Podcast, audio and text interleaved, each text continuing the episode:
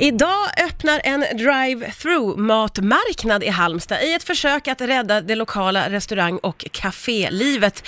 Anna-Maria Spaniol är en av dem som ligger bakom det här projektet. Anna-Maria, när kom ni på den här idén?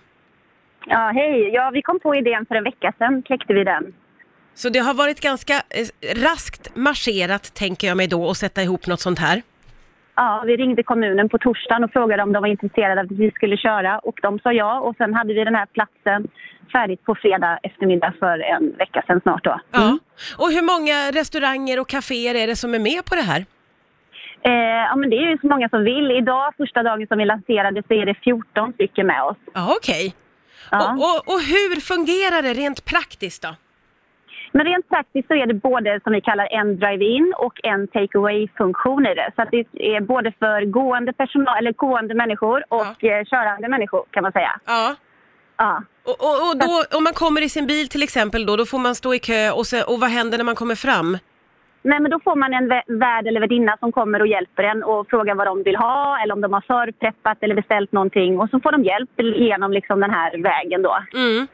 Ja. Och, och då är det liksom eh, paketerat i, i, eller hur funkar det med själva maten så att säga? Ja, men det är paketerat. Det är olika typer av former av paketeringar. Det kan ju också vara de som vill eh, köpa kaffe. Det finns kaffepåsar. Det finns allt möjligt här. Ja. Men me- mest är det matlådor då. Ja. Eh, av olika former. Mm. Och, och det här var första dagen sa du, hur har det fungerat idag?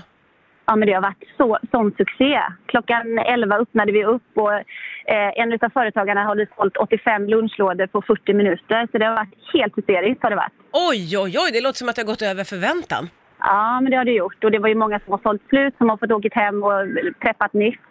Ja. Och, Ja. Och, och vad gör ni för att undvika smittspridningen då?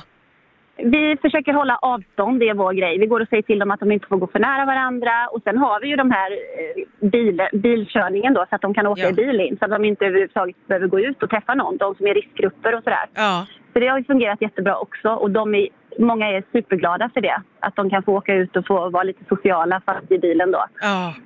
Och, och det här kommer ni att göra imorgon igen? Ja, imorgon gör vi det igen. Eh, samma tid, 11 till 18 här i Halmstad. Och är det här någonting som kommer att sprida sig till andra platser i landet tror du?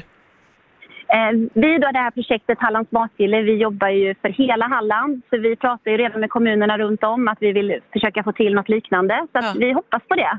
Eh, och det viktiga för oss är att vi samverkar med andra då så att vi gör det tillsammans. Och framförallt i de här tiderna nu när det är som det är. Ja. Ensam är man inte jättestark just nu. Nej men verkligen. Ja, vilket Nej. spännande initiativ, så roligt att få prata med dig. Tack snälla Anna-Maria Spaniol för att du var med här Ja. på Rix FM. Tack snälla för att ni ringde. Ha det så gott då. Tack så mycket!